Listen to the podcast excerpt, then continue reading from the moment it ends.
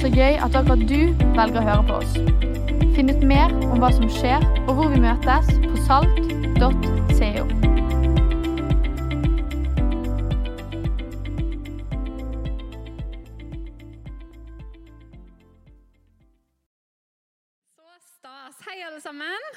Hei, kjekt å være på gudstjeneste med dere. Tusen takk. En uh, søndagskveld i juli. Det er jo helt nydelig. Jeg liker med denne videoen som jeg akkurat så, at det både er reklame for Substans, som jo er Norges beste bibelskole. Ikke for å sell it out, men det det. Eh, og det er jo fantastisk sånn reklame for hva du kan drive med en regnsommer i Bergen by. Du kan gå i vestveggen og klatre, du kan gå på kafé og lese Bibelen. Du kan bestemme deg for å begynne på substans. Det er så mange muligheter, altså. Men du, helt nydelig. Kjekt å se deg her i dag. Eh, jeg må bare røpe jeg jobber på substans i tillegg til å jobbe i Salt. Jeg vet ikke om du skjønte det, men jeg mener helt seriøst at det er en veldig, veldig bra bibelskole. Håper at du har hatt en fin sommer. Um, uansett hva du har gjort. Er det noen som ikke på en måte har forlatt Vestlandet i sommer ennå? Så må jeg bare ber for alle dere om at eh, varmen og sola skal komme der dere er resten av sommeren. Jeg har vært, eh, Forrige uke var jeg på hyttetur i Tjøme i Oslofjorden. Der var det fint vær og masse Oslo Vest-folk, hvis du lurte på det. Ellers så har jeg òg tilbrakt sommeren med å ja, drepe noen planter. Det skal jeg komme litt tilbake til. Eh, med å være med fine folk. Og eh, det har vært kjekt. Jeg syns det er stas å være i kirka om sommeren. Det er litt sånn ekstra stas. Det er litt sånn Her er vi. Eh, vi er den gjengen som holder fortet, mens de andre er på ferie. Og det er helt nydelig. Men du, jeg har et litt ambivalent forhold til planter. Er det noen her som kjenner at sånn, planter er fine, og sånn, men du har ikke grønne fingre? Fins det noen av dere? Ja? Åh, Så deilig. Det er ikke bare meg. Eh, for Jeg vet ikke hva det motsatte av grønne fingre er, men jeg har det. Eh, og Ikke for å være liksom helt ansvarsforskrivende her, men jeg mener at det ligger i DNA-et mitt. Eh, for Hvis du ser på dette bildet her, som jeg fikk av min søster så står det altså et bilde av min eh, nevø som står der lykkelig uvitende om at mammaen har svarte fingre og dreper alt levende i løpet av første døgn. Hashtag altfor stort ansvar. Dette var altså når nevøen min skulle ta med seg Solsikko hjem fra barnehagen og kom der eh, med stor forventning og glede.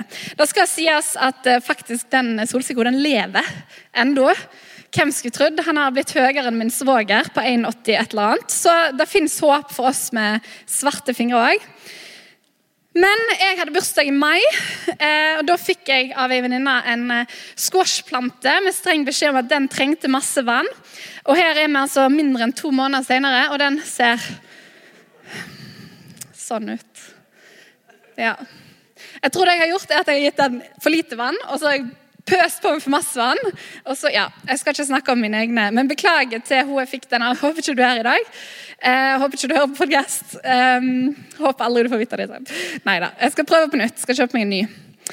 Men Bibelen den forteller oss egentlig ganske masse om planter. Har du tenkt på det noen gang? Eh, men den, Han er ikke nødvendigvis så opptatt av selve planten, men forteller oss mest om planter i overført betydning. Det står f.eks. at himmelriket er som et bitte lite frø som ble planta og ble til det største treet. Det står eh, I Korinterne så snakker Paulus om at rollefordelingen med å på en måte komme ut til mennesker med evangeliet, så sier han om at han planta, Apollos vanna, og Gud ga vekst. Og Når vi snakker om dette verset, som vi egentlig ganske ofte snakker om i kirka når vi snakker om smågrupper og diverse andre ting, så snakker vi liksom om at det, det er bra at det er Gud som har ansvar for å gi vekst. Eh, jeg vil bare kommentere at det òg er bra at en som hadde huska å vanne, hadde ansvar for å vanne. Eh, I motsetning til meg. Men Vi skal lese en tekst i dag som også handler om dette med planter, men som snur det litt på hodet. For her handler det ikke om at vi skal passe på planten, eller at vi skal plante eller at vi skal vanne, men det handler om at vi skal få være planter. Og da tenker du kanskje, da høres jo veldig mye lettere ut enn å drive og vanne og plante. og sånne ting. Men jeg tror at da å være planta òg er en ganske sånn bevisst handling som vi kan ta. Det står i dagens tekst i Jeremia kapittel 17, vers 7 og vers 8. Der står det Velsigna er den mann som stoler på Herren og setter sin lit til ham. Han er lik et tre som har plantet ved vann og strekker røttene mot bekken. Det frykter ikke når heten kommer. Løvet er grønt. Det engster seg ikke i tørketider og slutter ikke å bære frukt. Jeg vet ikke hva dine assosiasjoner til det å være planta er. Jeg har eh, lest veldig mange krimromaner i sommer. Det er sånn jeg slapper av.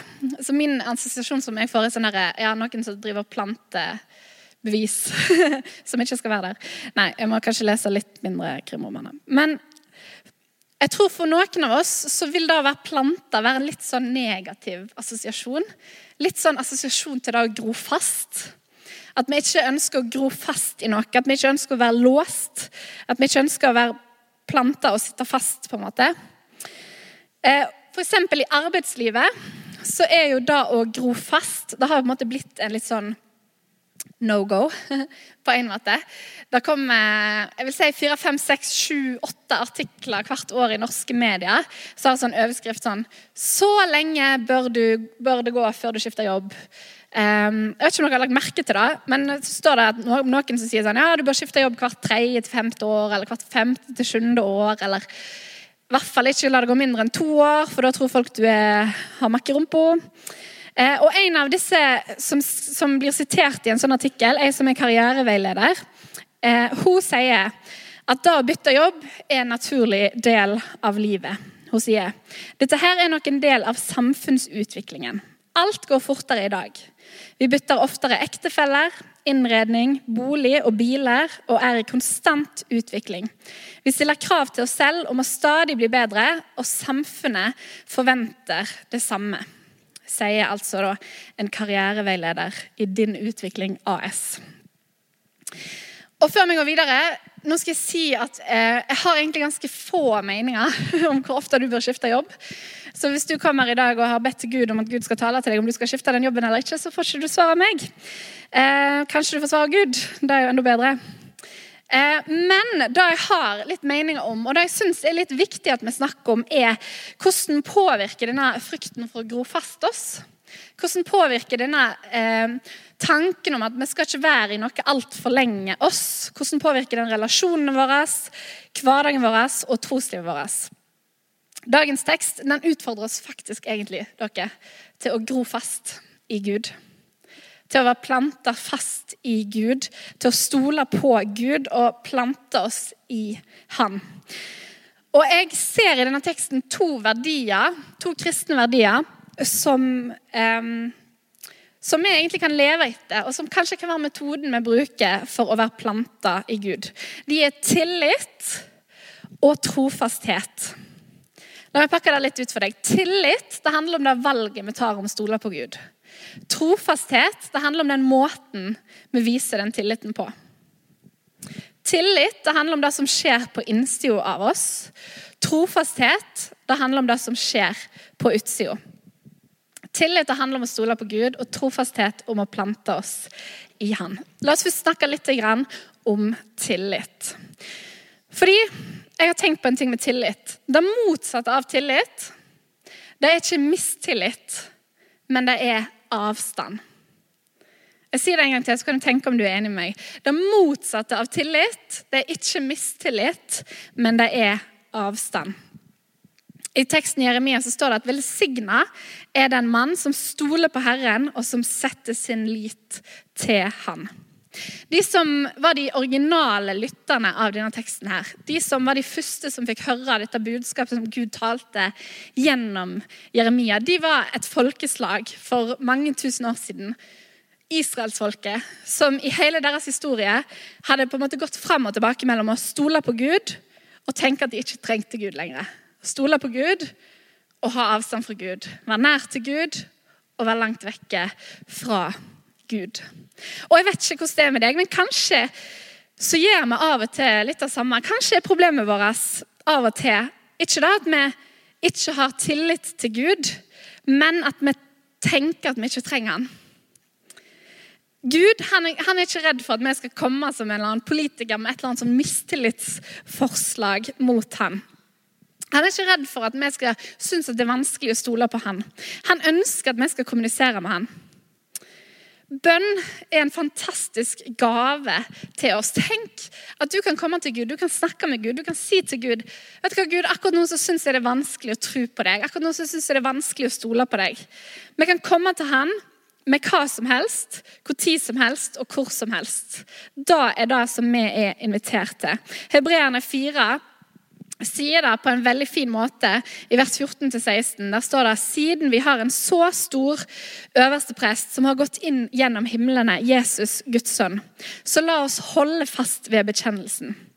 For vi har ikke en øverste prest som ikke kan lide med oss i vår svakhet, men en som har prøvet i alt på samme måte som vi, men uten synd. La oss derfor frimodig tre fram for nådens trone, så vi kan finne barmhjertighet og finne nåde som gir hjelp i rett tid. Den teksten som vi leser fra Jeremia, den forteller oss faktisk at selv når du holder deg tett på Gud, selv når du stoler på Gud, selv når du eh, setter din lit til Gud, har tillit til Gud, så står det at det skal komme hete.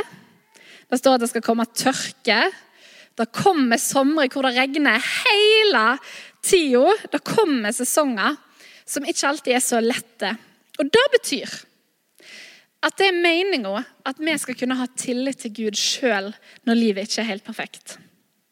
Og Det betyr at den tilliten er ikke ment til å være en sånn uh, get out of jail card i Monopol. Hva heter det på norsk? Jeg vet ikke ut av fengselkort eh, i monopol. Det er meninga at den tilliten skal være tryggheten, at Gud er med deg alltid. Til og med når du er spillemonopol og du sitter i fengsel. For sjøl i hete og sjøl i tørke så står dette treet trygt planta ved vann og med røttene på rett plass. Så det motsatte av tillit er ikke mistillit, men det er avstand. Og når det gjelder trofasthet, velg litt sånn bevisst hva du skal være trofast mot, og hva du skal plante deg i. Det står videre i teksten her at han er lik et tre som er planta ved vann og strekker røttene mot bekken. Det frykter ikke når heten kommer, løvet er grønt, det engster seg ikke i tørketider og slutter ikke å bære frukt.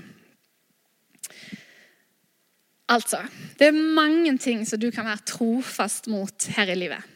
Og noen av de vil jeg si er mer viktige enn andre. For eksempel, så kan du si at du er trofast mot Gud, mot ektefellen din, mot fotballaget ditt, vennene dine, meningene dine. Du kan være tro mot hjertet ditt, du kan være trofast mot kirka di, mot ditt politiske parti, favorittserien din på TV. Du kan være trofast mot den over alle andre serier. Hjemplassen din, jobben din, plantene dine, ikke jeg. Eh, og så mye mer. Og Jeg må bare si at jeg synes det er litt fascinerende hvordan vi av og til tenker i 2022. Og jeg sier vi fordi jeg lever tross alt i denne tida, jeg òg. Men jeg tror mange av oss er liksom livredd for å gro fast i noen ting, men syns det er helt greit å gro fast i andre ting. Du kan tenke sånn Det er helt krise eh, å gro fast i jobben din. Nei, jeg mener Det er helt normalt at du ikke vil gro fast i jobben din. Men hvis du foreslår at de skal la være å gro fast i å heie på fotballaget deres, så ser de ekstremt rart på deg. Eller som den karriereveilederen som jeg siterte tidligere, som rett og slett sidestiller da å bytte ektefelle med da å bytte innredning, bolig og biler. Vi er livredde for å snakke om livslang trofasthet til de tingene som faktisk er viktige. Men vi kan uten problem si at jeg kommer til å elske Justin Bieber resten av mitt liv. Eller jeg vet ikke om folk har problemer med å si det. Jeg har kanskje litt problemer med å si det, men eh, noen har ikke problemer med å si det. Men helt ærlig, noen av disse tingene er det ikke viktig. Kanskje for alle andre enn akkurat deg, om du er trofast mot. Det er liksom helt topp hvis du vil være trofast mot fotballaget ditt. Um, men det er ikke noe som liksom mater deg eller former deg eller gjør deg til den du er. Men nå må jeg ha en sånn side note om at det er sikkert dødsviktig for deg. altså. Jeg har, eh, skal ikke disse fotballag. Eh, men andre ting så Noen ting som fotballag er litt sånn ok, whatever, om du er trofast mot. Men andre ting kan faktisk være litt farlig om du er for trofast mot. For du har sikkert veldig mange gode meninger. Men hvis, du, hvis, det er viktigere for deg å beholde meningen din enn å gjøre det som er rett, så er det litt farlig. Når var f.eks.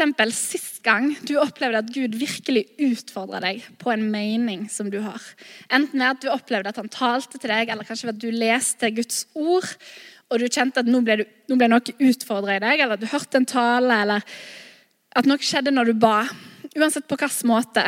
Hvis det er lenge siden, hvis det er så lenge siden at du ikke klarer å huske sist gang Gud utfordra deg til å endre en mening, så er det enten to grunner til det. Enten så er Gud bare enig med alle meningene dine. Wow. Eller så er du kanskje litt for låst i dem. Just saying. Og det samme kan faktisk være sant og hør meg ut her, men det samme kan faktisk være sant å være trofast mot, mot vennene dine, mot hjertet ditt, mot kirka di og mot det politiske partiet ditt. For, for all del, det kan være bra å være tro mot disse tingene. Men det kan òg bli usunt hvis du er mer tro mot de enn du er mot Gud. Og Jeg snakker som pastor i denne kirka her, og jeg må si at jeg er veldig glad hvis du kjenner at du har tilhørighet til kirka, hvis du har tillit til kirka, men la den første tilhørigheten din være til Gud. Og du, Hvis du har opplevd et usunt fellesskap, eller hvis du en gang kommer til å oppleve et usunt fellesskap, så trenger du ikke å holde fast på det fellesskapet, men du trenger å holde fast på verdien av fellesskap. Vær planta i Gud, ikke vær planta i alt stæsjet. Den viktigste trofastheten i livet ditt, den viktigste tingen som du holder fast på, da er Gud. Da er det røttene dine er meint til å være planta. Det er han som er da levende vannet som gir næring når du har en tørkeperiode. Og Det siste jeg vil si om trofasthet, er at trofasthet har et tidsaspekt. Per definisjon så er det et tidsaspekt i trofasthet. Du kan f.eks. ikke si ja, 'Jeg var trofast mot kjæresten min i ti minutter'. Da, da, var ikke, da, var du ikke, trofast. La oss være ærlige. Og jeg vil si Vær planta i Gud på en permanent basis. Vær planta i verdien av fellesskap på en permanent basis. Vær planta i Guds ord på en permanent basis. Vær planta i de lokale kirker så lenge den er sunn. Og se hva Gud gjør. For du som er med og leder barna ungdommene i kirka vår, eller kanskje i annen kirke, eller du som er smågruppeleder, eller du som leder mennesker på en eller annen måte, så vil jeg bare si at din trofasthet, den er viktig. Den er så viktig. Tusen takk for det du gjør. Tenk gjennom, Hvis du har én person som leder ungdommer, en smågruppe med ungdommer i fem år, tenk hvor mye mer positiv påvirkning det har enn hvis du har fem personer som gir deg ett år hver. Tenk på det. Tenk på verdien av trofasthet. Ikke undervurder verdien av trofasthet. Selv i de sesongene hvor det kanskje er tørt. I denne her eh, teksten så står det at dette treet engster seg ikke i tørketider, og det slutter ikke å bære frukt. Hvis du er planta i Gud, så vil du bære frukt. Og Jeg skal gå mot en avslutning nå. Bandene kan komme opp. Jeg har lyst til å lese disse her versene igjen en gang til. Og når jeg gjør det, når jeg leser disse versene en gang til, så skal jeg lese dem i en kontekst. Jeg skal lese dem i en kontekst av at Gud han viser Jeremia noe i denne teksten. og Han begynner med det i to, de to versene før. Og De to versene de gir en ganske sånn stor kontrast til den teksten som vi akkurat har lest. Nesten så jeg har lyst til å gi en litt sånn advarsel, sterke ord. Men fra vers 5 til vers 8 så står dette her i Jeremia kapittel 17.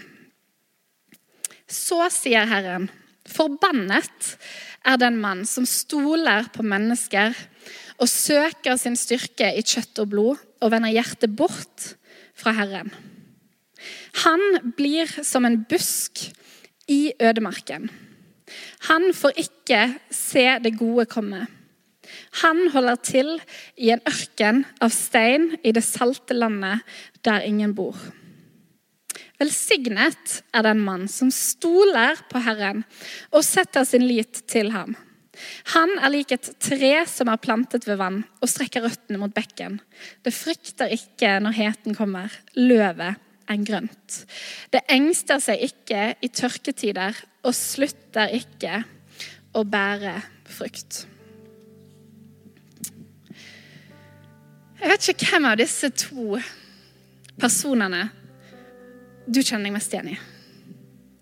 Om du kjenner deg mest igjen i eh, han som stoler på mennesket, han som søker kraft i mennesket, og han som vender seg vekk ifra Gud.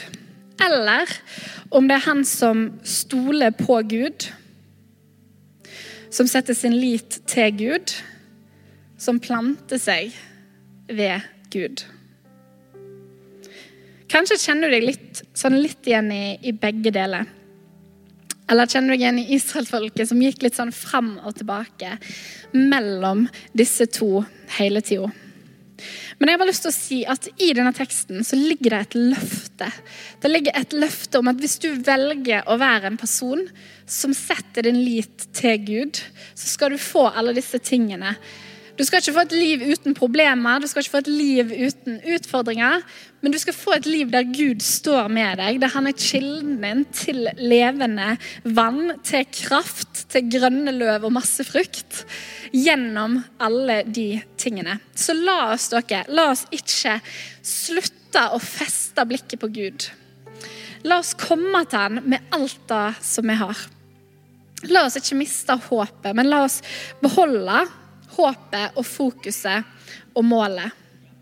Og La oss ikke miste motet når sesongen er tørr, når den er varm, regnfull, tung eller smertefull. Vi skal reise oss opp sammen. Så skal jeg be for deg, og så skal vi lovsynge litt sammen. Herre Jesus, jeg takker deg at ditt ord det er fullt av løfter. Fullt av løfte om at du er nær, om at du går med oss, om at du aldri svikter oss, aldri forlater oss. Og Jeg takker deg for det løftet som fins i denne teksten. Løftet om at når vi stoler på deg, når vi gir deg tillit, når vi er trofaste til deg, så kommer du til å være med oss alltid. Jesus, jeg takker deg for det. Takk for at du er, du er god. Takk for at du er nær. Takk for at du er stor. I Jesu navn. La oss lovsynge litt sammen.